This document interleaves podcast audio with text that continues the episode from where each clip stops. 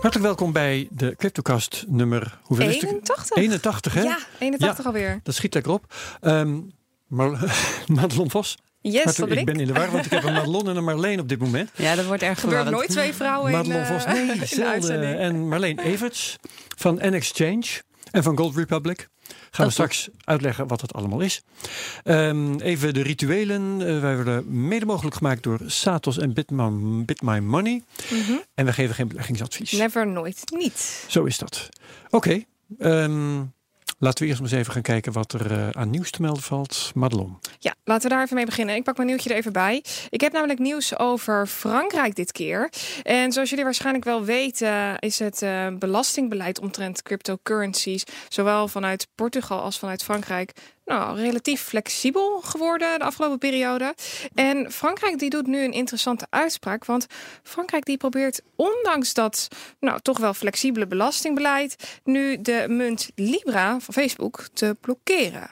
Want de Franse terwijl minister. die er nog niet eens is. Terwijl die er nog niet eens is. Dat klopt. De Franse minister die spreekt zich namelijk uit tegen uh, de Libra.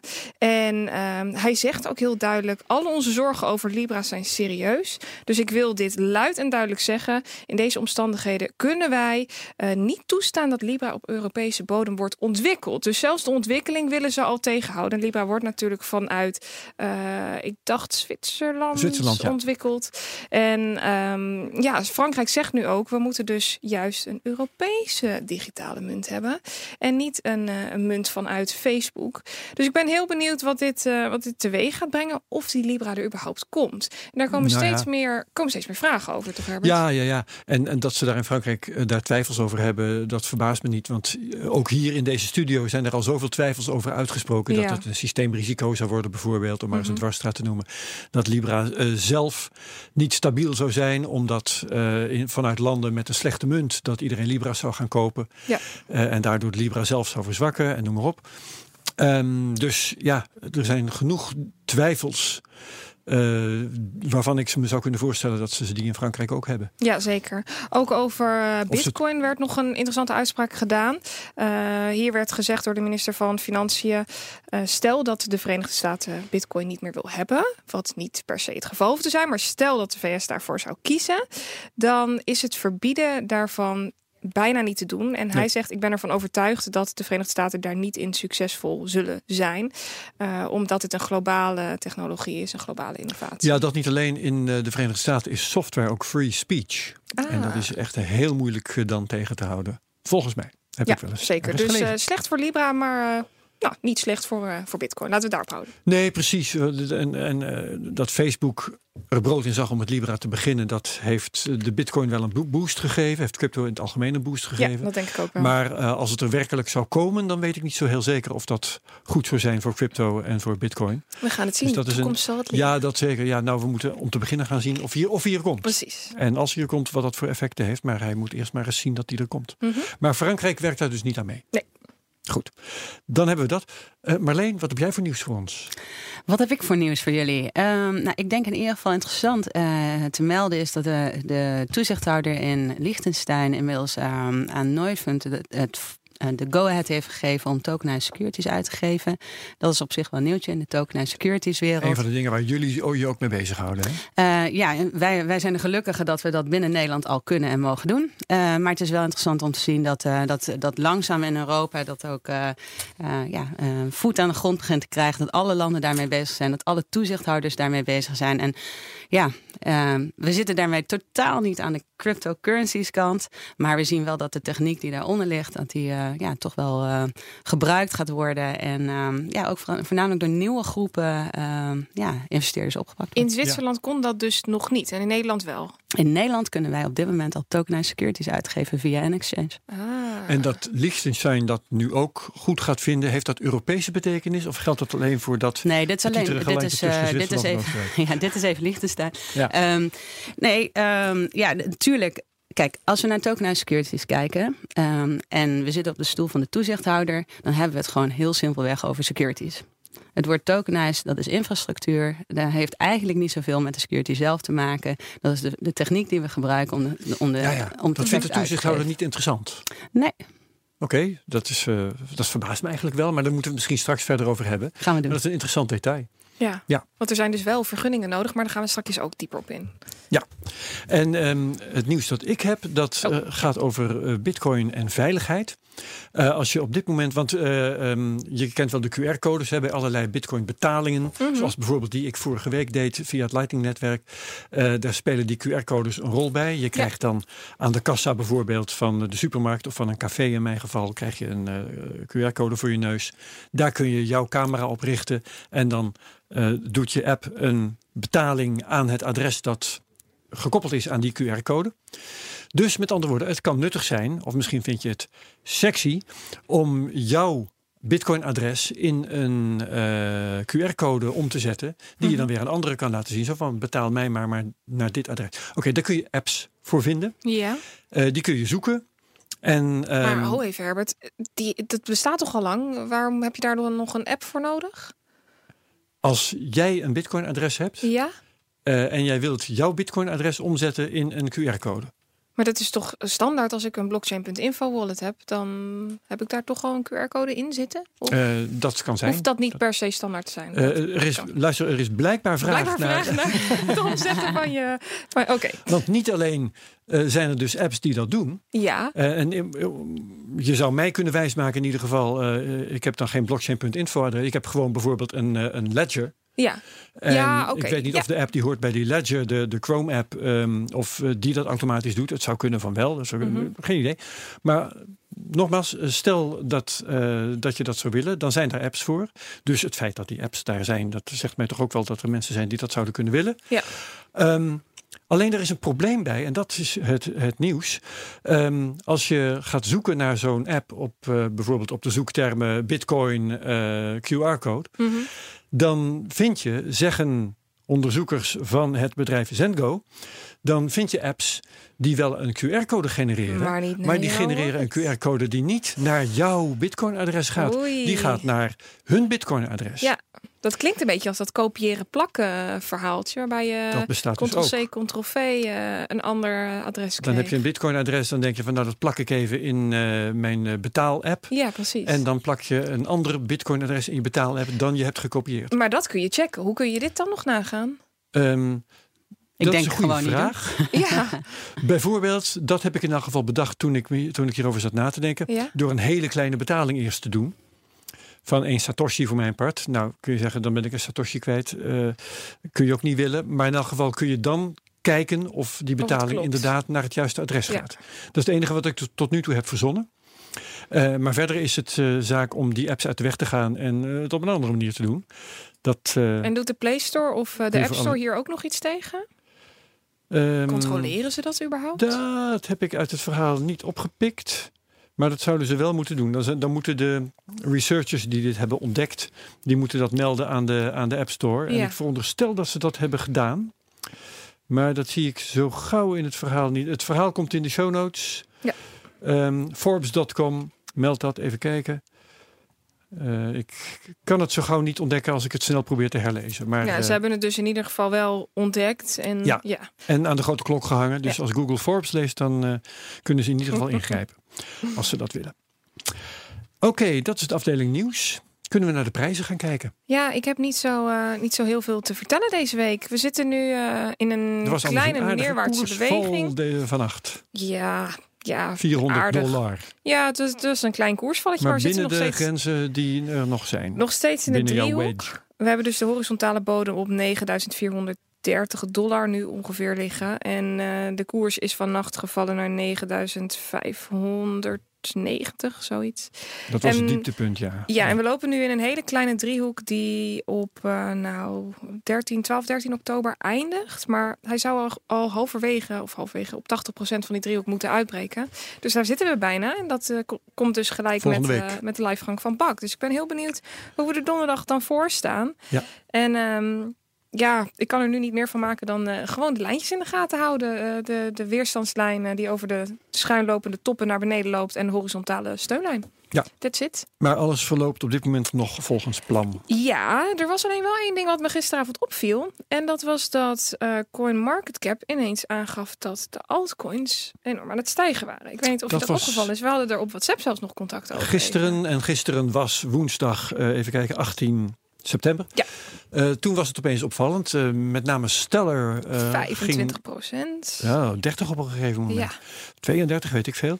En maar Ether 7 procent geloof ik. En Tron 12, weet ik veel wat het allemaal was. Dat, dat schoot lekker op opeens. En Bitcoin die deed nou Niks. niet eens 1 procent volgens mij. Nee. En wat opviel is dat het daarna begon te kantelen. En dat zien we nu ook terug op, op CoinMarketCap. Bijna alles staat nu in het rood op Stellar na. Met nog steeds een plus van 14 procent. Maar de overige altcoins, bijvoorbeeld Ripple min 6, Bitcoin Cash min 4.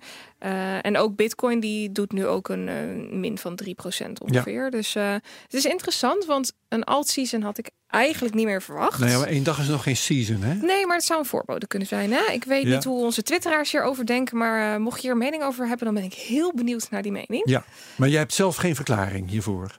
Nee, ik vind het heel Zomaar lastig. freak we zagen dat er, een, eh, dat, dat er een belangrijke weerstandslijn was op Bitcoin. Dus ik kan me indenken dat er veel mensen hun positie switchen naar altcoins.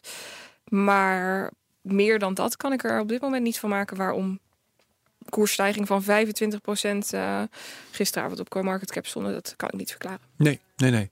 En van Stellar vind ik het helemaal vreemd trouwens. Want we hebben het vorige week gehad over die airdrop. Ja, Hè, de de eh, geldhoeveelheid van Stellar wordt in feite, ehm, wat er beschikbaar is tenminste, wordt ik geloof 10% ruimer bijna in de komende tijd. ja, maar niet de total supply. Dus het is wel dat, dat er Nou meer ja, een omloop is. Wat er, er precies, wordt niet meer bijgedrukt. Er is geen wat er, wat er, nee, wat er weggegeven wordt, dat was tot nu toe in een wallet van eh, die Stellar eh, Foundation of weet ja, ik hoe die heet. gelokt.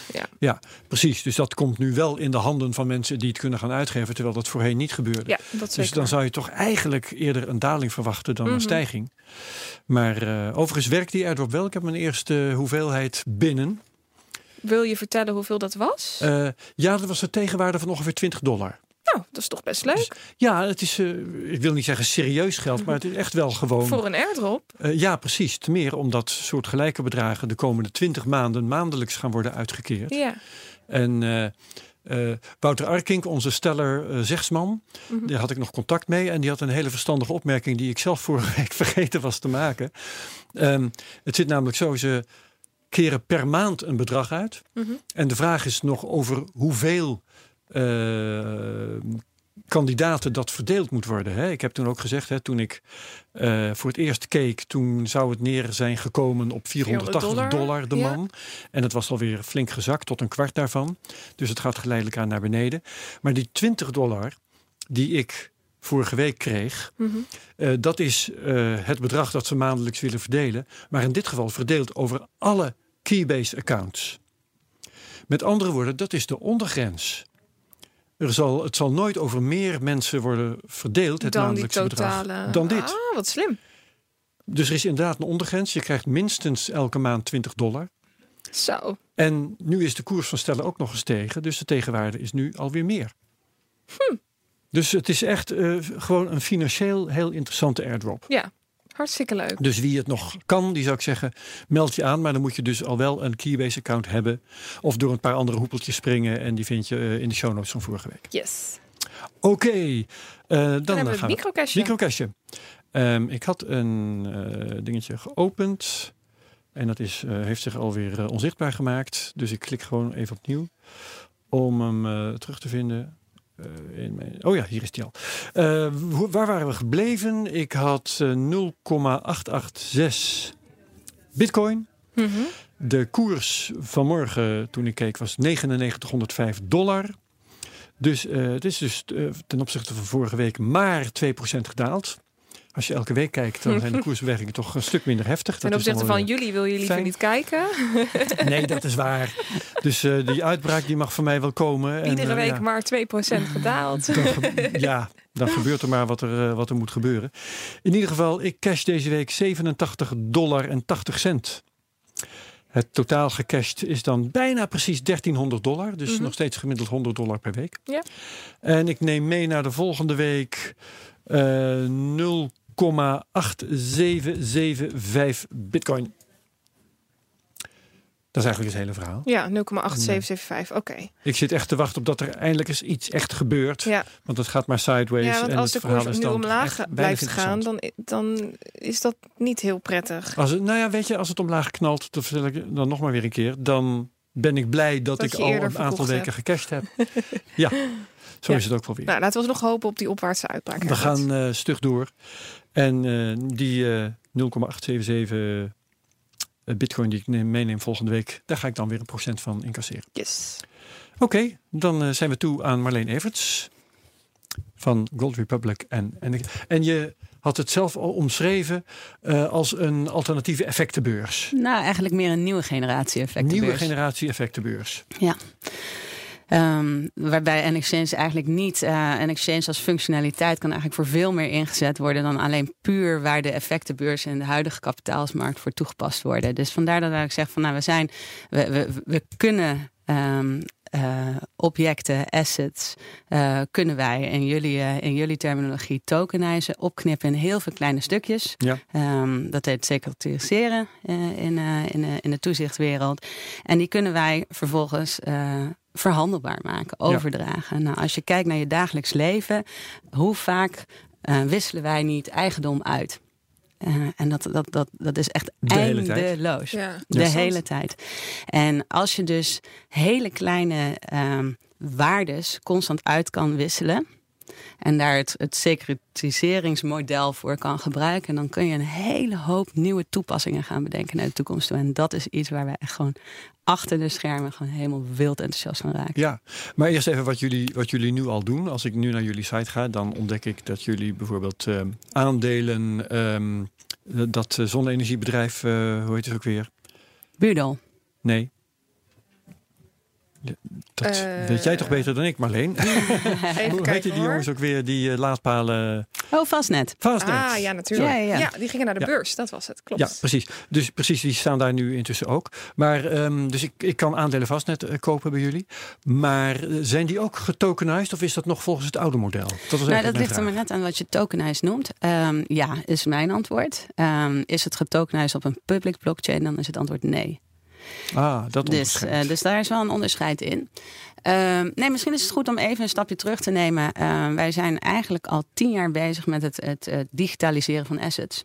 Oké. Eh, dus eigenlijk al vanaf 2010 zijn wij. Dan moet je nog iets eigenlijk- eh, uitleggen. Want eh, toen ik jou net voorafgaand aan deze opname vroeg... hoe lang zijn jullie bezig? Toen was het 2016. Ja, oké, dat, is, dat is N-Exchange. Maar Gold. Republic bestaat al vanaf 2010. Ah, juist. En wat doen wij bij Gold Republic? Daar knippen wij ehm edelmetaalbaren, goud, zilver en platina op in eh, multiple stukjes en eh, dragen de juridische eigendom in de onderliggende baar over op afstand in een digitale omgeving. Mhm. Nou, dat doen wij op hele grote schaal. Niet alleen voor Gold Republic, maar ook voor derde partijen waar wij ons platform aan, eh aan, aan white labelen. En dat opknippen, dat is dan dus niet fysiek. Ehm, nou, Of je kan een baar technisch natuurlijk ook eh, omsmelten Ja, in heel veel Pak kleine een, pak eenheden. een ijzerzaag. Of, eh, Ja, dat is alleen niet zo efficiënt, eh, Nee. want ehm, dat kost veel geld. Eh, Ja. Dus wij doen dat eh, digitaal.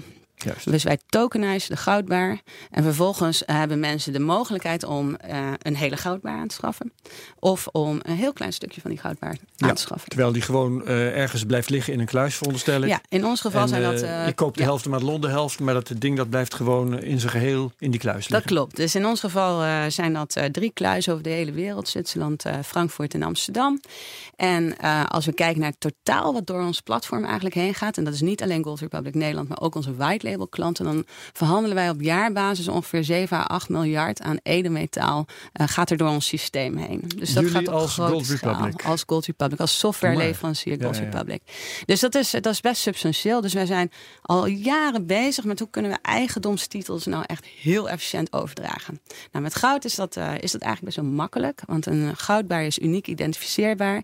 Die kun je aanwijzen. En als je iets kan aanwijzen, als je weet welk nummer van jou is, dan mag je het eigendom op afstand overdragen. Dus dat is fijn. Maar als je nou een, eh, een vastgoedobject pakt, een pand, en je wilt dat overdragen, ehm, dan is bij wet vastgelegd dat je daar gewoon een, een notaris, een fysieke notaris voor moet hebben. En dat hoeft bij goud niet. En dat hoeft bij goud niet. Ah, Dus als jij een. wat gek eigenlijk. Ja. Dat is eigenlijk gek, maar dat is gewoon de wetgeving die is Ja. zo gegroeid. Dus daar, eh, daar, daar moet je dan wat mee. En dan eigenlijk de enige manier om dat vastgoedobject op dezelfde manier te verhandelen zoals we dat met goud doen, is door te securitiseren. Wat betekent dat? We stoppen het vastgoedobject in een fonds. En dan geven we op het fonds geven we effecten uit. Nou, en dat is, dat is wat er nu gaande is. Als je naar de tokenized securities kijkt, dan, dan knippen we assets, of het nou een dak of een bedrijf of een, of een uh, auto of een mens voor mijn part, die knippen we op in stukjes door hem te securtiseren. En dan kunnen we op die manier eigenlijk eigendom gaan overdragen. Maar dat is dus wel gebaseerd op oude wetgeving die er al, die er al stond. Want dat Ehm, kun je natuurlijk niet zomaar doen, lijkt mij. Iemand in een fonds stoppen. Of een gebouw Ja, in een ja, fonds precies, stoppen. Ja, ja. dat kan. Ja, we hadden het over voetballers, Je eh, kunt rechten. Ja, of een ZZP'er die het gewoon heel goed doet. Dat Ja. je zoiets Ja. zegt van, nou, in jou wil ik wel investeren. Ja, nou, ik, ik vond het interessant. Echt nog, eh, eh, ik denk een, een maand of twee geleden zag ik een artikel voorbij komen op eh, LinkedIn dat studenten in Amerika ehm, eh, equity in zichzelf uitgaven. Nou, ik vond het waanzinnig. En ik, eh, ik reageerde daarop op LinkedIn en ik kreeg meteen de hele lading over me heen dat, eh, dat ik een slavendrijver zou zijn. En toen dacht ik, ja, maar wacht eens eventjes. Want wij verstrekken nu ook gewoon leningen aan deze studenten. En die studenten zitten vast aan hoge afbetalingen met rente. Hoezo kan ik mijn toekomstige inkomensstroom niet eh, eh, ja, eh, op voorhand zeg maar, verkopen? En de vrijheid ook hebben om die weer terug te kopen, als ik dat wil. En als ik daar, als ik daar vo- voldoende middelen voor heb. Dus het, Ja. ja. ja, het, ik, ik, vind het, eh, ik vind het super interessant wat we kunnen doen. Dat is het zeker. Ehm, en ja, natuurlijk kunnen wij bedrijven op deze manier financieren. Ehm, dat doen wij ook. Eh, wij doen dat nu samen met Rabo en Crowd. Eh, Rabo en Crowd die biedt hybride financiering aan. En die als het ware ehm, brengen die eh, eigenlijk een gedeelte van de financieringsbehoeften van het bedrijf. Dat, daar, dat geven ze uit op de primaire markt van NXC's. En daarmee halen deze bedrijven kapitaal op. En vervolgens kunnen al die kleine aandeelhoudertjes kunnen dan vervolgens dat, dat, dat, eigendom of, dat, of die obligatie gaan verhandelen onderling. Maar eigenlijk is het het gewoon, eigenlijk zouden we het wat holistisch moeten bekijken. We zouden alles zo klein mogelijk op kunnen knippen en verhandelbaar kunnen maken. Want dan kunnen we als beleggers exposure gaan kiezen naar een bepaalde markt. Dus pak een auto, misschien wil je de batterij wel ehm tokenizen, misschien wil je de auto wel tokenizen, misschien wil je de rit waar die naartoe rijdt tokenizen. Ja. Dat zijn we aan het doen. Gaat dit dan voornamelijk om obligaties of ook om, om aandelen? alle, eh, eigenlijk alles wat lijkt op een effect is een effect. Ehm, dus een obligatie is een effect Mhm. en een aandeel is een effect. Een winstrecht is een effect. En eh, een recht op een omzet is een effect. En als jullie nu kijken naar wat het meest eh, in, de, in de business cases het meest wordt gebruikt, wat Nou, dat zou ligt zijn? echt helemaal aan de fase van het bedrijf, aan wat je gaat, eh, wat je gaat financieren. Ehm, als je een obligatie uitgeeft, dan moet het toekomstige, het toekomstige cashflow-stroom moet enigszins wel vast liggen. Want anders wordt het een obligatie met heel hoog risico. Mhm. Ja. Dus als je kijkt naar, eh, naar bedrijven die of in een hele hoge groeifase zitten, of, eh, of, of, of de start-ups eigenlijk die weinig, nog, nog weinig eigen vermogen hebben, dan is, is een obligatie vaak niet het geschikte instrument om het bedrijf mee te financieren. Dan ga je al veel meer richting de aandelen. Terwijl als je een, een bedrijf hebt wat, wat al een steady cashflow heeft, ehm, eh, een, goed eigen vermogen heeft, dan is een obligatie eigenlijk een hele, zou een mooie oplossing kunnen zijn om zo geen aandelen uit te hoeven geven. En wie bepaalt dat in, in dit systeem? Zijn jullie dan de partij die daarmee helpt? Is dat dan een toezichthouder of, of juist eh, een bank? Ehm, nou, eigenlijk bepaalt het bedrijf het zelf. Eh, Oké. Maar het is de markt die het wel of niet gaat kopen. Ja. En dan is het natuurlijk nog wel zo dat als je een obligatie uitgeeft, dan, dan moet je transparant zijn over wat je uitgeeft. Dus dat betekent dat je dat vast moet leggen in een investeringsmemorandum of in een prospectus. Mhm. En bij een grote uitgifte boven 5 miljoen, dan moet je ook ehm, de goedkeuring van de toezichthouder hebben dat dat prospectus goed beschrijft wat je uitgeeft. Dus als dat wat je uitgeeft eigenlijk heel erg nou, om, eh, om het maar simpel uit te drukken, eh, nou ja, iets is waar je, waar je eh, met, een gezond verstand niet in zou willen beleggen, dan moet dat in ieder geval duidelijk uit het prospectus blijken. Ja, en dan is het eigenlijk aan de markt om te bepalen of ze daar wel of niet in willen beleggen. Dus iedereen zou dit in principe kunnen doen met hun bedrijf? ja, het gaat zelfs zo ver dat ik als individu een effect uit kan geven op mijzelf. Zo, daar ben ik even stil van, Herbert. Want we hebben het hier twee weken geleden nog over gehad. En toen zeiden we nog, hoe cool zou het zijn als je gewoon een favoriete voetballer hebt... waar je dan aandelen in kan kopen of iets dergelijks. Nou, sterker Ja. nog, Madelon, het is, ik probeer het even op Maar te dat je, dat je technisch kunt, dat wil nog niet zeggen dat, dat je eh, daar bent. Nee, natuurlijk. Maar het wordt nu wel makkelijk wat, is, wat eh, meer of tastbaar voor mij gebruiksvriendelijk. of zo. Uh, of, of dat mensen het ook echt gaan doen. Hè? Want dat is dan natuurlijk uh, de volgende interessante vraag. Wie, wie doet dit al? Ja, dat is natuurlijk zo. Nou, dan heb ik nieuws. Want het Kijk, is toevallig uh, vorige week gebeurd. Maar moet ik even heel snel terug. Ik ben natuurlijk helemaal niet in de voetbal thuis. Uh, maar er, er, zijn een aantal voetballers getokenized de afgelopen week. En ik met de alle afgelopen liefde... week? ja. Dit vind ik cool. Ja, maar dan wil ik, dan, dan wil ik je straks graag even de tijd geven om, Ja. eh, om dat op te zoeken. Want Ja. dat, dat- ik wil eigenlijk wel namen horen. En landen en voetbalclubs. Nee, dit, zijn, eh, Heel dit, is, eh, dit is echt wel iets heel, eh, heel erg gaafs. Wat, eh, ik weet wat wel dat, het dat. Galatasaray toevallig eh, tokens gaan, gaat uitgeven. Maar dat is natuurlijk totaal iets anders dan het tokeniseren van een voetbal. Ja, precies. En ik heb ook al gehoord van voetballers die eh, in bitcoin betaald werden, bijvoorbeeld. Hè. En dat, dat, is, dat zijn al hele oude verhalen. Ja, dit is wel echt de Dat volgende herinner ik me ook stap. trouwens Ja. uit Turkije, volgens mij. En het leuke is dat hier een Nederlands bedrijf bij betrokken is. En die, eh, dat heet Liquid. hey, die kennen wij, Herbert. Ja, die kennen jullie. Ja, kennen wij die? Ja, want Help dat me. is van... ehm, sorry, ik ben nu eventjes de naam kwijt. Oh, dit is, dit is zo typisch. Van Roel en Ehm, van... oh, Jeroen. Liquid. Oh, wat erg. Dat was, hij was twee weken geleden bij ons in de, in de podcast. Hier? Ja, Herman Vicia. Oh. Dat is twee keer bij ons aan tafel geweest. Wat erg dat ik dat niet ik, meer ik wist. Dat herinner heb me je van altijd Herman op dat moment. Ja, precies. Ja, maar zij eh, doen... Zij, dat, Liquid het- was zijn andere bedrijf. zijn En dat, dat schrijf je is anders dan, dan de, met eh, ja, LIQ. W-I-T-H. Ja, precies. L-I-Q-W-I-T-H. Ik, ik hoorde een andere spelling. Maar, Maar goed, dat, en dit is dan dat is wel een belangrijk onderscheid. Een uitgifte, primaire markt. Er zijn natuurlijk heel veel partijen die op dit moment al eh, effecten kunnen uitgeven. Ja. Iedereen kan een effect uitgeven. Jij en ik kunnen dat ook. Ja. Dat zou je het gaat om de verhandelbaarheid, ga jij zeggen. En dan, ja. en dan is er wel, dat is wel een, een stapje verder. Jullie zijn een beurs. En wij zijn een beurs. Ja. Waarop je effecten kan verhandelen. En in Nou, hoeverre is... Oh, sorry Herbert. Nee, ga je gang. In, in hoeverre is daar dan al een markt gecreëerd? Want dat lijkt me best lastig. Nou ja, eh, zoals met iedere marktplaats moet je een marktplaats creëren. En Ja, dat, eh, dan moet je, het is echt een enorm kip-ei verhaal. Want je moet aan de ene kant assets hebben en aan de andere kant investeerders hebben. Mhm. En dat zijn we eigenlijk met NXChange nu aan het opbouwen. NXChange is een stock exchange as a service. Dus dat eh, betekent dat wij NXChange aanbieden als beurs voor partijen die effecten willen uitgeven in de primaire markt en verhandelbaar willen maken. dus als ik mijzelf wil uh, tokenizen enzovoorts eh, en wil dat dat ook verhandelbaar is, dan Ja. moet ik bij jullie wezen. Precies, dan kan je bij NXChange kun je een partner worden van NXChange en dan kun je jouw eigen beursvenue eigenlijk creëren op de backbone van NXChange. Ah, ja, ja, ja. Dat is Even mooi. Ehm, en wat ik eh, daarbij steeds in mijn hoofd heb dat ik nog moet vragen is: in hoeverre is cryptotechnologie daar eigenlijk essentieel voor? Ehm, Kan het niet ook gewoon zonder? nou, dat kan zeker zonder, want wij doen het al, wij deden, doen het voor Gold Republic al tien jaar zonder. Ja. Ehm, waarom wil je dan toch die cryptotechnologie? Ten eerste is het, eh, is het in, in, in, in, de, in de kapitaalsmarkt is het ongelooflijk efficiënt, onefficiënt ingericht. Dus dat betekent als, als, als, als je een eh, aandeel of een effect overdraagt van jou naar mij, dan ga je door ongeveer acht lagen heen. En vervolgens zijn er ongeveer vijf lagen die rapportages moeten doen. En dat slaat eigenlijk helemaal nergens op. Want als het tegen de tijd dat, dat ontdekt is dat het fout is gegaan, dan zijn we je al een paar maanden later. Ja. Dus, ehm, dus het, alleen al vanuit dat eh, perspectief is het, is het logisch dat, dat wij als, als kapitaalsmarkt die stap gaan maken. Maar ehm, als je kijkt naar een, een, een crypto, dan kan die verschillende functies hebben. Hij kan een, hij kan een security zijn.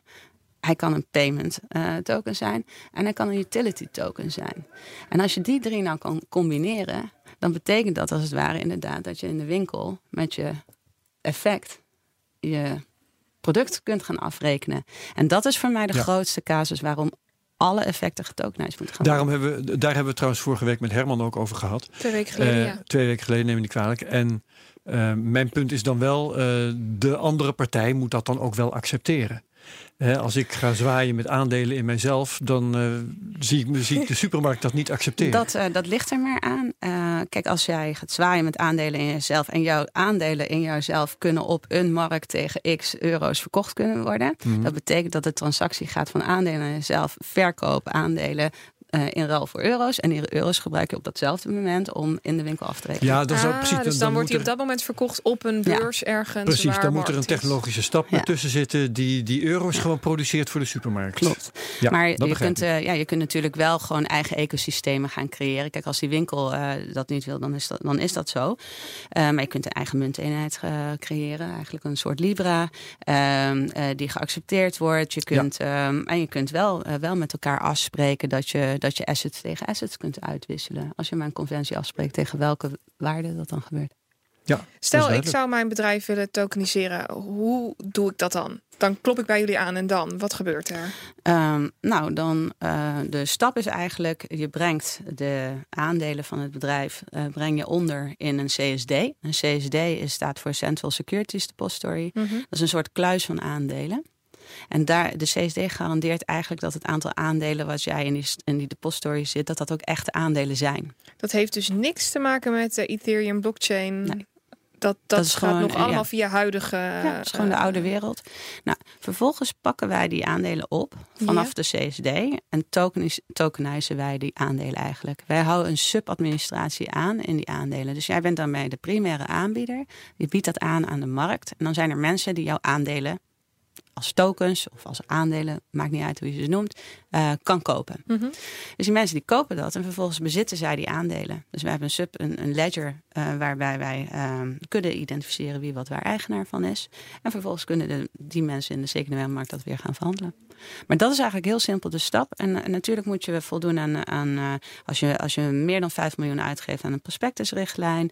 eh, je moet voldoen aan de listingdocumentatie die wij hebben. Er komt wel wat bij kijken. Je moet, moet, moet kunnen laten zien dat je een serieuze onderneming bent. Dat je governance op orde bent. Dat je financiële administratie op orde bent, hebt. Want wij als beurs willen liever niet ehm, ja, bedrijven hebben die gewoon snel omvallen. Of waar fraude eh, wordt ge- eh, gepleegd. Of Mhm. wat dan ook. Dus dat, daar hebben we natuurlijk wel een rol in om, om goede checks en Dus balances wat te doen. betreft dat ook je eigen eisen en je eigen controles. Ja, wij hebben, wij hebben onze listing requirements om een, eh, om een bedrijf eigenlijk Gewoon of puur een eigen asset belang. toe- Je wilt eh, niet wat dat betreft in allerlei eh, reputatie eh, Ja, wij hebben geen mening over de waarde van het bedrijf of, of, eh, of het interessant is om in het bedrijf te investeren. Maar wij kijken wel degelijk hoe een organisatie georganiseerd is, of alle documentatie klopt, et cetera. Ja. Dat moeten wij als organisatie.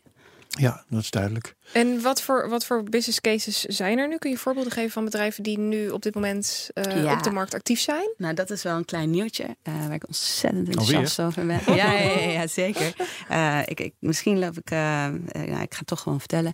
Ehm, nee, wij gaan ehm, eh, binnen nu en een, een aantal weken live met onze eerstvolgende partner. Dus Rabobank is partner voor de bedrijven. Eh, de volgende partner is echt, dat wordt zo gaaf. Ehm, die gaan individuele daken listen op N-Exchange. Daken. En op die daken worden zonnepanelen geïnstalleerd. Ja.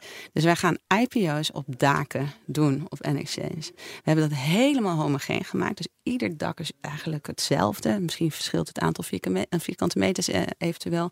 Maar we gaan gewoon daken listen. En die daken worden gefinancierd door eigenlijk de kapitaalsmarkt. Maar misschien worden die- wordt, wordt het eigen vermogen of de equity in dit geval ook wel gewoon door de, de, het pandeigenaar gehouden. Dan zeg je nou eigenlijk dat ik mijn dak kan verkopen straks bij jullie? Als jouw dak eh, ongeveer 1000 vierkante meter is, dan kun je dat dan eh, via groot- groot dak heb ik noteren. niet. aan, eh, Exchange. het nee, is het, is wel, het, zijn, het bedrijven- zijn daken van, eh, van, van commercieel vastgoed in dit geval. En Klopt. daar staan dus Ja. zonnepanelen op. En daar worden zonnepanelen op gelegd. Die zijn beschikbaar Dus voor het dak, zonnepanelen. het dak wordt eigenlijk een soort mini-onderneming. Die wordt ook eh, afgescheiden van het gebouw. Ja. En op dat dak, dat gaat dan ontwikkeld worden. komen zonnepanelen op te liggen. En dan heeft vervolgens een cashflow-stroom naar de, naar de toekomst toe. En dat wordt dan uitgekeerd in, door middel van dividend of iets dergelijks? Bijvoorbeeld, ja, zeker. Ah. En zeker met, met eh, alles wat met groene energie te maken heeft, daar zit ook nog een behoorlijke component subsidie in. Dus dat betekent dat dus het kan dividend zijn als je aandelen uitgeeft. Mhm. En in dit geval is er altijd een mix van aandelen en obligaties. Dus op, op de aandelen zit het dividend en op de obligatie zit een rentecomponent. En eh, ja, dus dan aan jou als, als belegger waar je dan in wil stappen. Maar eh, ja, zeker. Gaaf. Ja. En als ik eh, eventjes ehm, om, om, om, om het recept helder te krijgen. Hè, eh, stel ik ben, eh, ik ben ondernemer eh, of iets dergelijks en ik heb een groot pand. Ik heb die duizend vierkante meter. Ja. En ik wil daar geld uithalen. Wat doe ik dan? Ik Dan- bel jullie of ik stuur een mailtje. Nou, dan, dan, dan, eh, dan meld je je eigenlijk aan eh, bij onze partner. Ehm, waarbij je eigenlijk een soort onboardingstraat ingaat voor het listen van je dak. Um, en uh, dus volledig gedigitaliseerd. Uh, je kan eventueel begeleid worden door, door die partner, maar dat hoeft niet. Uh, dan word je eigenlijk klaargestoomd voor je IPO op je dak. en uh, op het moment dat de subsidies ja. binnen zijn, dat, het, de, dat alle echt technische ontwikkeling klopt en klaar staat, dan, uh, dan wordt de uitgifte gedaan op de markt en dan kan iedereen zich inschrijven. Wow. Vanaf wanneer? Ik denk dat we binnen nu en uh, binnen nu en vier weken zijn we sowieso live. Ik hoop iets eerder.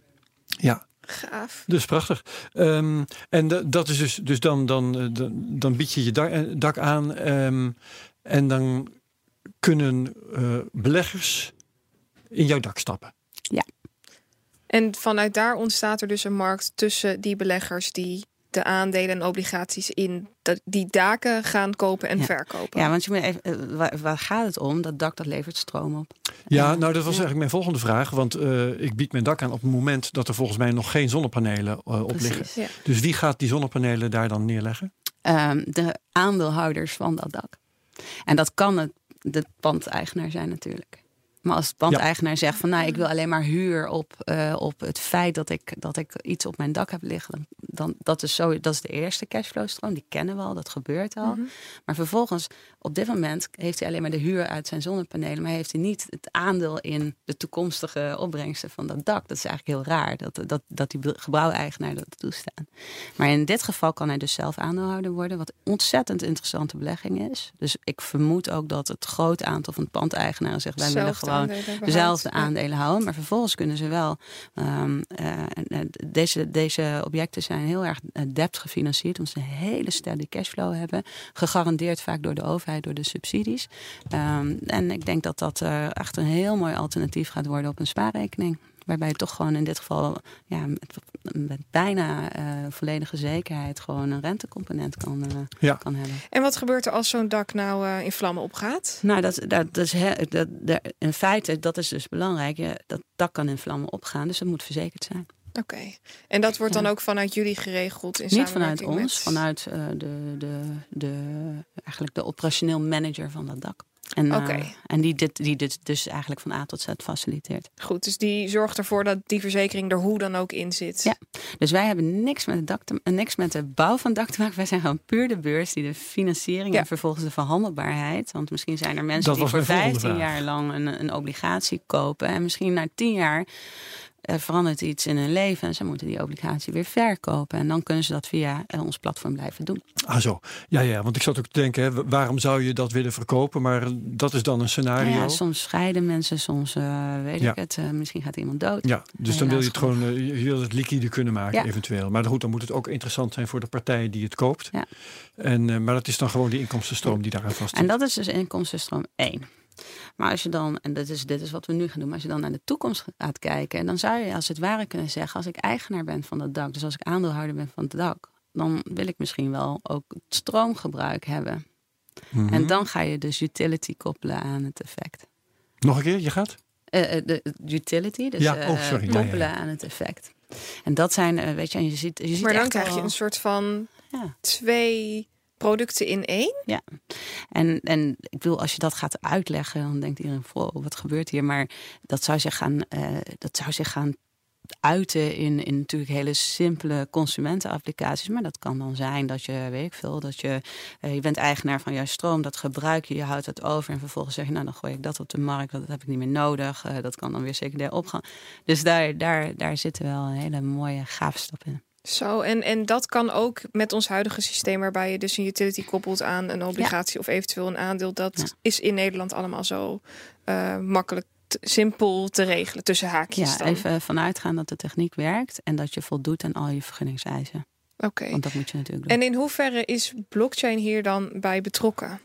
Nou, ehm, de blockchain die eh, kun je gebruiken om consensus te bereiken over, de, over de transactie. Dat in de oude wereld is dat al zo. Je hebt een CSD, dus een kluis. Je hebt een toezichthouder. Je hebt een broker. Je hebt een beursplatform. Ja, En ehm, die, moeten, die zijn, worden het samen eens over die transactie. Nou, dat gebeurt nu super ouderwets. Mhm. En daar kunnen, daar kunnen onder andere de, eh, de blockchain-technologie voor gebruiken. Nou, een ander eh, eh, interessant element aan de, aan de blockchain-technologie is echt de smart contracts. De smart contracts kunnen gewoon self-executing worden. Die kunnen geld Dat had ik al veel eerder verwacht in, in deze structuur, zeg ja. maar. Ja, ja dat, komt, dat komt eigenlijk omdat de, de traditionele beurzen, die, die, die, die, die als, je, als je 100 ketens hebt stappen tussen een keten met partijen die betrokken zijn. is het heel moeilijk om één zo'n partij te tokenizen. Dat kan niet. Mhm. Dan moet de hele keten gaan. Dat is het fijne aan, aan ons platform. Het platform is heel centraal. Daar gebeurt alles op. En wij, wij zijn niet afhankelijk van die derde partijen daarin. Dus daarom hebben anderen dat nog niet kunnen doen. Maar het gaat gebeuren. Iedereen, er, is, is ontzettend veel uh, gaande op dit Ja. moment in die wereld. Het eerste waar ik dan over nadenk is, oh oh, de huidige beurs. Wat gebeurt daarmee? Krijgen we daar dan eh, hetzelfde te zien? Worden aandelen dan compleet vervangen door die digitale vorm van aandelen die 24/7 verhandelbaar zijn? Ehm, Ja, kijk, ik denk, eh, ik heb wel eh, zelf, ik denk een jaar of eh, een jaar geleden ongeveer, zei ik van nou, het duurt ongeveer vijf jaar voordat de kapitaalsmarkt er volledig anders uit gaat zien. En iedereen was het oneens met mij, maar ik denk echt dat we een hele grote verschuiving gaan zien in de kapitaalsmarkten. Waarom? Eh, het kost ongeveer twee jaar om, om je vergunningenpakket te krijgen. Er zijn hele liquide, rijke platformen die technisch echt ontzettend geavanceerd zijn. Die gewoon nu bezig zijn met hun beursvergunningen aan te vragen. die dit snel om zouden kunnen zetten. Ja, dus als, als die, en die al hele grote investor communities hebben. Kijk naar de cryptomarkten. Kijk wat daar, wat daar aan het gebeuren is. Dus ik denk, ik, ik ben echt benieuwd waar. Ik vind het, het is echt een waanzinnige fase als je kijkt naar de kapitaalsmarkt. De functie blijft. Ik wil, er moeten bedrijven gefinancierd Mhm. worden. En er moeten, eh, want anders kunnen die niet iets aanbieden aan, aan de consument. Maar als je puur naar de essentie kijkt, is best wel vreemd. Dat je, je gaat ergens iets financieren. En dan ga je het vervolgens in een andere markt eigenlijk aanbieden. Daar wordt eh, geld verdiend en dat keer je dan weer aan die financiers uit. Dus die consument, waarom kan die dan niet dat bedrijf eigenlijk financieren? Je kunt een hele hoop stappen Ja. eigenlijk overslaan. Ja, Is er een standaardprijs die jullie hanteren voor eh, het doen van een IPO? Ehm, ja, ehm, bedrijven kunnen eh, noteren. Dus een listing, puur alleen een listing op de secundaire markt, eh, daar vragen wij 1% voor. En ehm, voor op een IPO vragen wij 2% succesfee. Oké.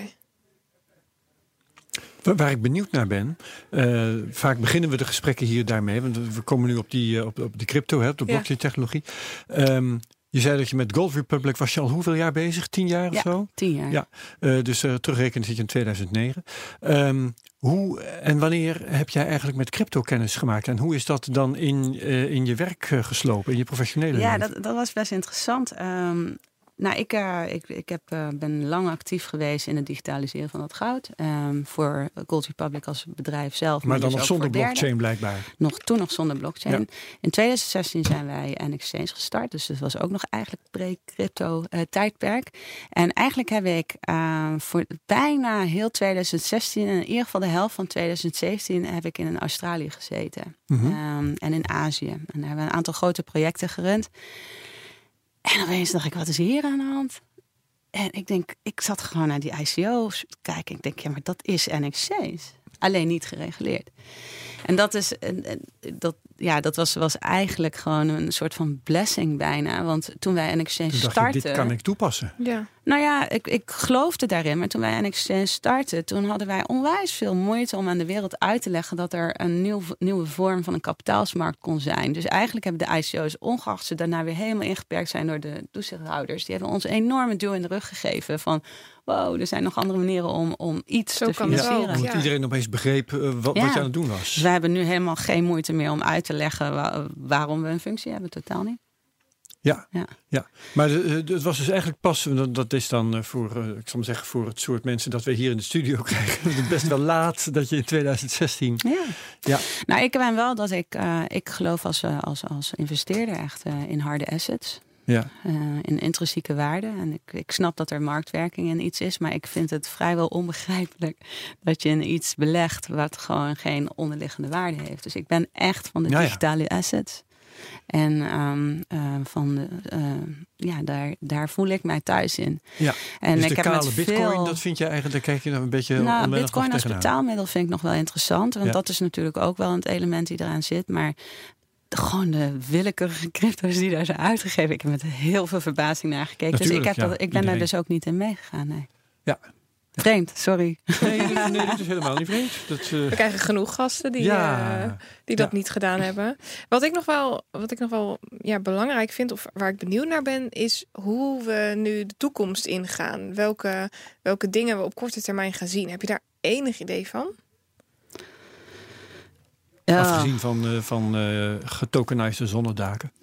Ja, of bijvoorbeeld eh, auto's Ja, die nou we, ja, die dat, we dat, is, een, dat is echt eh, dat is ook een casus waar we nu aan, aan het werken zijn. Eh, we zijn nu een, eh, een pilot aan het opbouwen. Want we gaan natuurlijk naar een shared economy.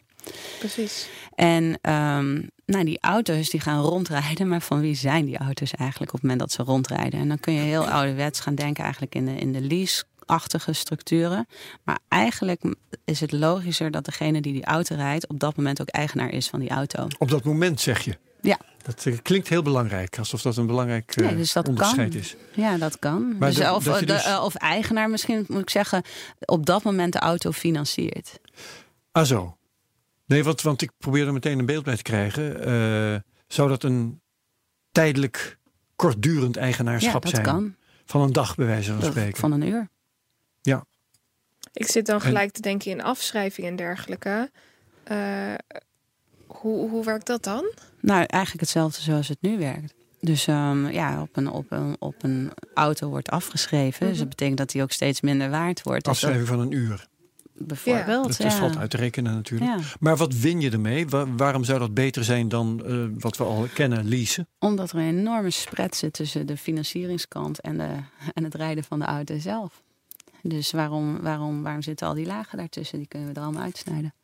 En nu wordt de leasemarkt boos op mij, maar daar zit een hoop... eh, De, de leasebedrijven, de- daar kunnen we vanaf, zeg je eigenlijk. Nou ja, niet zozeer in, in het onderhoud van de auto. Maar ik Mhm. denk wel dat er meer een. ehm, ja, ik, dus eh, de- nou, in heel veel, eh, heel veel kanten is het natuurlijk dat er gewoon. Ja, de, door, door, door gewoon puur dat de techniek niet anders werkt. Hè, ehm, heb je nu gewoon heel veel lagen nodig. Dus bij het, ehm, ja, bij het eh, runnen van een leasebedrijf. Ja, dat moet toch gefinancierd worden. Hoe gaan we anders al die auto's voor financieren? Ja. Dat kon niet opgeknipt worden in kleine stukjes. Dus dat, ja, dan, dan moet je wel. Dus ik denk dat die leasebedrijven zeker nog een functie hebben. Maar ik denk wel dat het model gaat veranderen. Ja, maar toch, ehm, het is belangrijk denk ik dat- we dit soort dingen helder krijgen. Eh, leg dan eens in detail uit hoe dat, eh, eh, hoe dat in de praktijk zou gaan. Je, ik kan me heel goed voorstellen van, dat van die auto die daar rijdt, dat degene die daar nu achter het stuur zit tijdelijk de eigenaar is. Maar ehm, een auto moet wel op een gegeven moment door iets of iemand bij een fabriek gekocht worden. Ja, dus dat is eigenlijk de, de primaire, de IPO op de auto. Die Ja. moet dus gefinancierd worden. Maar dan moeten dus eh, voldoende aandeelhouders, voldoende investeerders zijn Ja. eh, die met z'n allen de aanschafprijs. Ja, maar als je auto. nou, en dat gebeurt dus eigenlijk nu al, als je ondernemer bent en je wil die auto's gaan rijden, Ja. dan moet je dan een wagenpark leasen eigenlijk. Ja. Dus, je, dus je, die, de interesse is er en de financiering is er, alleen wordt die nu op een andere manier ingericht. Maar nu zit een, eh een leasebedrijf daartussen. En in het eh, model dat jij voorstelt, dan zit daar bijvoorbeeld een exchange tussen. Ja, Eh, wat is het verschil voor mij als er dubbel is? Een andere, een andere, Andere middleman, maar er is nog steeds een middleman. Nee, want de exchange is niet een middleman, want het is nog gewoon een peer-to-peer transactie. Het is Dus we een faciliteren het wel, maar het is. Oké, ja, en dat kan dus betekenen dat wij eh, hier zo naar buiten lopen en dan zien wij allebei diezelfde Tesla staan. En Ja. ik wil graag naar huis en jij iets minder graag, dan bied ik meer op die Tesla. op. Leuk is dat. En dan trek jij een lange neus. Ja. ja. Nee, goed. Dat, dat, ehm, eh, dat mechanisme, dat snap ik. Maar dan moeten mensen dus echt tegen elkaar op gaan bieden in de avondspits. ja, maar dat gebeurt eigenlijk nu al. als je de Uber pakt en Ja. er is avonds- avondspits, dan, eh, dan betaal je ook meer. Ja, zeker. Ja. Maar je, je zegt het, het, het is een peer-to-peer aangelegenheid en jullie zijn een marktplaats. Maar eh, net als het leasebedrijf ehm, hebben jullie een businessmodel en pak je daar een marge op op een Ja. of andere manier. Ja, wij vragen een transactiefee, dat klopt. En is dat minder dan een leasebedrijf? Want het moet ook uiteindelijk willen, willen, Als- willen als de samenleving wij- van de ene model duur- op het andere. Als het overgaan. duurder zou zijn dan een leasebedrijf, dan zou er geen reden zijn om, om, om te te veranderen. Ja, dus nee, natuurlijk. Maar wij kunnen met veel minder mensen, met veel minder, minder ja, ehm, resources Overhead. eigenlijk, overhead, kunnen wij een hoop realiseren. Ja. Maar dat is dus wel totaal een andere structuur dan als je kijkt naar het digitaliseren van de aandelen van een bedrijf of obligaties. Nee, eigenlijk is het precies hetzelfde. Want zo'n auto wordt dan een, een bedrijf eigenlijk. En die wordt geëxploiteerd. Maar de gedachte erachter vanuit de consument is dan wel anders. Want als ik een obligatie uh, aanschaf of een aandeel koop, dan doe ik dat met de visie op ik wil rendement behalen. Ja. En als ik een uh, stuk in een auto koop, Ja. dan doe je dat omdat het een gebruiksproduct is en je het liefst zo min mogelijk zou willen afschrijven. Ja, nee, dus de, eh, klopt. En daar, daarmee zul je verschillende effecten op zo'n auto krijgen. Want zo'n auto wordt op dit moment voor een, eh, een, een circa 80% eh, met debt gefinancierd met, de, met, uh, met een rentedrager en het Mhm. product. Ja. Maar er zijn, er zijn ook andere voor. En daarom probeer ik, weet je, we moeten een beetje loskomen van de kapitaalsmarkt. Want die is allemaal heel ingewikkeld en heel eng. En staat voor heel, veel mensen heel ver weg. Um, maar het, het kan ook gewoon in, in ons dagelijks gebruik. Uh, kijk naar hoe je woont, bijvoorbeeld. Um, je bent jong, je bent student, je wil in een mooi huis wonen, maar je hebt geen geld.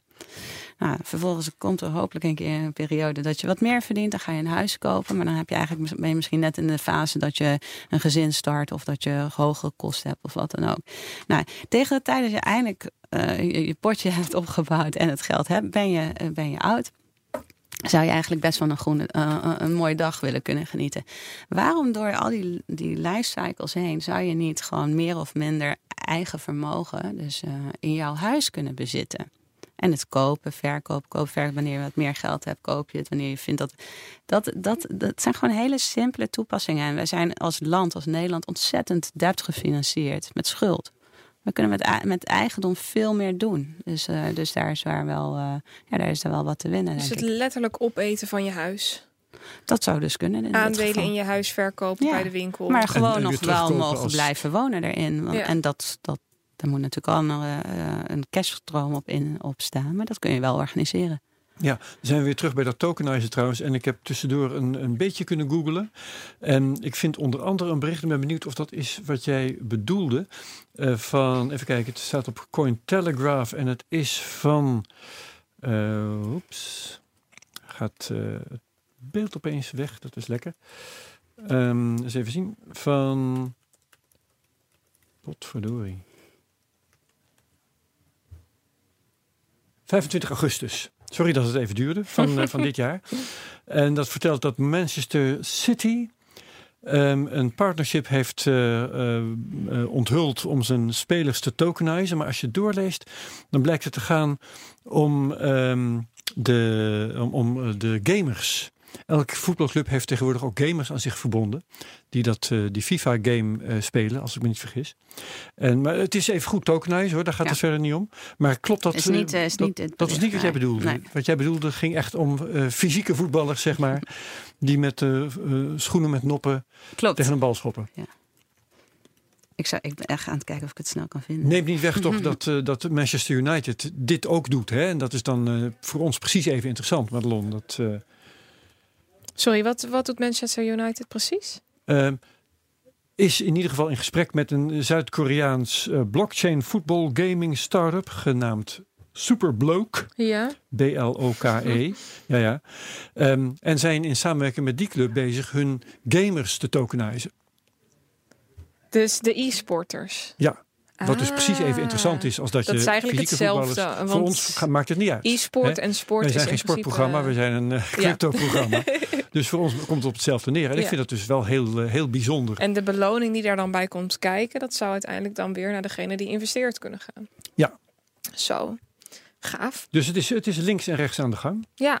En hoe lang denk je dat, het, dat, dat dit nog gaande blijft totdat we hier echt uh, in ons dagelijks leven mee geconfronteerd worden? Um, nou, kijk, eigenlijk op het moment dat er voldoende exchanges zijn die deze technologie kunnen gebruiken en toepassen. Want Mhm. daar draait het om. Uiteindelijk moet je niet alleen maar op één, één venue eigenlijk iets kunnen verhandelen. Dus net als met de crypto's moet je gewoon heel makkelijk. Oh, nou zie ik daar iets, dat vind ik interessant, dan wil ik daar. En dan als dat toevallig op een andere venue en andere exchange verhandeld moet worden, dan moet je niet. Uh, uh, als wij nu kijken hoe. Het duurt nu circa twee dagen om de effecten van de ene beurs naar de andere beurs te vuisten. Dat hebben we van dichtbij kunnen zien met Fastnet. En dan is het, gaat het nog snel. Dan werkt iedereen mee. Nou, dat kan natuurlijk niet als je nu iets wil kopen daar en daar gebruik van wil maken. Dus het, het, ik denk uh, met de komst van meerdere beurzen die vergunningen hebben en dus effecten mogen handelen en dan gaan we echt een hele grote uh, stap hierin zien, denk ik. En deze, deze stukken zijn in principe 24-7 te verhandelen? Ja. En hebben jullie wat dat betreft uh, op dit moment in Nederland concurrentie? Of zijn jullie de enige die dit soort dingen doen? Voor zover wij, wij weten, zijn wij in Europa de enige partij die tokenized securities kunnen verhandelen op dit ja, moment. Ja, ja. En wereldwijd? Um, ik, ik ben het nog niet tegengekomen. Nee, nee oké. Okay. Uh, ja, en zoals je net zei, uh, dat het zou hand over hand kunnen toenemen. Um, is dat goed voor jullie? Uh, het is fijn om, om monopolist te zijn soms. Nee hoor, maar, nee. Ik denk uh, dat soms het, is het ook beter als een concept uh, nee. wereldwijd aanslaat of Europawijd aanslaat, zodat mensen daar niet meer onwennig tegenaan kijken. Nee, ja, dit is echt, het is wel een, het is een beetje een first mover advantage, omdat je daarmee, ja. je kunt daarmee zeg maar de, de, de, de setup eigenlijk bepalen. En, um, maar het is, nee, het wordt pas interessant als er een markt gebruik van gaan maken. En dat betekent ja. dat er vooral heel veel mensen het moeten gaan doen. Wat ik veel interessanter vind, is de spin-offs die eruit kunnen ontstaan. En, en de andere fintech-applicaties en toepassingen die je daarop kan bedenken. Dus nee, wij zijn juist, wij zijn nu met Euroclear bijvoorbeeld, want we kunnen zelf tokenizen. Nou, leuk, dat is interessant, mooi. Maar we zijn nu met Euroclear zijn we uh, eigenlijk het hele ledger aan het. Uh, uh, we zijn een project aan het opstarten waarbij het hele ledger, dus alle aandelen die publiek genoteerd zijn. En dat in ons geval zijn ze eigenlijk altijd per definitie alleen maar op N-Exchange genoteerd. Maar als je nou bijvoorbeeld Shell pakt, Shell wordt op, op, uh, op meerdere venues verhandeld. Ja. En um, je wilt dus frictieloos van die ene beurs naar die andere beurs over kunnen stappen. En dat kan eigenlijk alleen maar als een partij als Euroclear hier een rol in gaat spelen. Want die bepaalt nu eigenlijk in welk bakje op welke venue wat verhandeld wordt. Uh, nou, dat is eigenlijk komt dat heel erg overeen met een smart contract en een whitelist. Dus uh, dat is een, een super gaaf project. En uh, ja, ik hoop dat we daar, uh, daar de komende maanden hele grote stappen in kunnen zetten. Maar wat, wat is het doel daarvan dan precies? Inderdaad, dat gewone aandelen um, breder gewoon of nieuwe, Ja, gewoon of nieuwe aandelen. Maar in ieder geval dat we aandelen kunnen verhuizen tussen verschillende venues waar N-Exchange er één van is. Dus, en het liefst ook in het weekend of s ja, avonds of altijd. s'nachts. Ja. Want soms vergeten wij hier gewoon dat de beurs om uh, ja, in de avond dicht is. In het weekend dicht is. Dat is eigenlijk ja. niet meer van deze tijd. Nee, en het krankzinnige is dat je, je hebt tegenwoordig als, um, als uh, consument heb je toegang tot allerlei plekken waar, je, waar de computers 24 uur per dag aanstaan. He, alle, nou ja, de Giro, van de Giro tot Robeco en uh, al die. Maar dan heb je buiten beursuren, dan stoot je toch je neus. Omdat de, de echte beurzen die daarachter zitten, die uh, zijn alleen tijdens kantooruren actief. Ja. Vrij absurd. Ja, bijzonder. Ik ja. ben ook. Uh, um, ik, ik vind uh, de, de beursgong nog steeds iets van een van de mooiste, ja. mooiste elementen. Ja, die hebben wij is, er, is er nog geen teken dat de, de beurzen door activiteiten van nou, bijvoorbeeld jullie, maar ook bijvoorbeeld de, de coin exchanges, dat die langzamerhand tot andere gedachten komen? Van we moeten ja, misschien nee, toch gewoon 24 uur per dag open zijn? Ze, de, zij zijn ook niet gek en ze zien dat, dat die stap gezet moet worden. Dat zeker. Alleen het lastige is in een traditionele beursomgeving heb je te maken met heel veel schakels. Dus alleen de beurs zegt ik ga nu tokenizen. Dat kan nog steeds niet. Nou, ik, ik heb nog niet eens over tokenizen. Ik heb het is gewoon over 24-7 open. Oh, 24-7? Ja. Volgens mij zijn er wel beurzen die 24-7 open zijn. Of in ieder geval... Nou, in elk geval niet uh, Damrak en in elk geval niet uh, Wall Street. ja, zou ik even na moeten kijken. Weet ik eigenlijk ja. Nee, want, maar goed, ik, uh, ik vraag me dus gewoon in gemoede af... waarom is dat niet gisteren al gebeurd? Nou, ik denk dat het wel te maken heeft dat um, gewoon van uit het oude gebruik dat um, buiten beurstijden wordt natuurlijk vaak nieuws uh, gepubliceerd, et cetera. Dus dat zijn een van de dingen waar de toezichthouder bij ons van zei: Nou, hoe gaan jullie dat doen dan? Echt, uh, dus wij hebben daar bijvoorbeeld um, ja, met, met, met, met ja, nieuws wat zeggen, eruit komt, et cetera. Not a feature. Uh, dat, dat, ja. dat, doordat er niet beurstijden zijn, ja. kan er nieuws buiten beurstijden, kan, kan de markt daar niet op reageren. Dat is natuurlijk sowieso heel raar. Ja, ja nou ja, daarvoor moet je toch echt bij gewoon de beurzen zijn. Want wij zijn nee, goed, en we vragen het ons af. Ik dacht, misschien weet jij dat. Misschien nee, ik, uh, anders dan uh, ja, dat dan mensen misschien op kantoor moeten zijn en dat dat niet handig is. Uh, ik kan me niks bedenken waarom ze niet 24 uur per dag open zijn op dit moment. Nee, oké. Okay. We hebben nog een minuutje of twee. Heb jij nog vragen, Madelon? Heb jij nog, nee. Marleen, dingen die wij hadden moeten vragen? Uh, hmm. Vond het leuk, dankjewel. Ja, precies. Wij vonden het ook leuk. Dankjewel. Marleen Everts van uh, N-Exchange. Madelon Vos, Dankjewel. Yes, nog één ding Herbert. Ja. Volgende week spreken we namelijk met uh, Robert Reinder. En ja. uh, waar gaan we het over hebben? We gaan het hebben over uh, reguleren. Want Robert Reinder is van bitmymoney.com, uh, ja, een van onze sponsors. Yes. En we moesten al, al lang een keer met hem gaan hebben over de, alle regulering die over de crypto exchanges en de wisselkantoren heen komt. Um, dus uh, dat in ieder geval. Mm -hmm. Ze moeten zich ook tegenwoordig registreren. Het zou eerst een vergunningsplicht worden. Het is nu een registratieplicht. Daar is hij net mee bezig. Dus daar gaan we het over hebben. We gaan het verder hebben over dingen die hem moeten bezighouden. Weet ook dat dat zo is. Zoals de Libra en het uh, Lightning Network. En dan was er nog een deelonderwerp dat me even ontschiet. Maar in elk geval dat soort uh, zaken. Oh ja, de, de overgang van bear market naar bull market natuurlijk. Oh ja. Wat heeft dat voor invloed op de zaken die een uh, bitcoin wisselkantoor doet? Dat zijn de vier onderwerpen die we in ieder geval met hem gaan bespreken. En misschien ook wel meer als we eenmaal aan het kletsen zijn. Dat we nog veel meer uh, interessante dingen tegenkomen. En dat is dan uh, volgende week uh, op donderdag. Dan zal die live gaan. Ja, ik heb nog, nog even kijken. Eén ding wat ik nog eventjes wil delen. Mochten er nou nog vragen voortkomen uit, uh, uit deze podcast op Twitter, schroom dan niet om, uh, om ons een berichtje te sturen. Of uh, als je de aflevering leuk vond, vergeet dan ook niet om hem eventjes te delen met de mensen at CryptoCast en L op Twitter. Want dan kunnen meer mensen onze podcast vinden en dat komt iedereen ten goede. Precies. Nou ja, iedereen heel hartelijk bedankt voor het luisteren. En wat ons betreft, tot volgende week. Dank je wel. Tot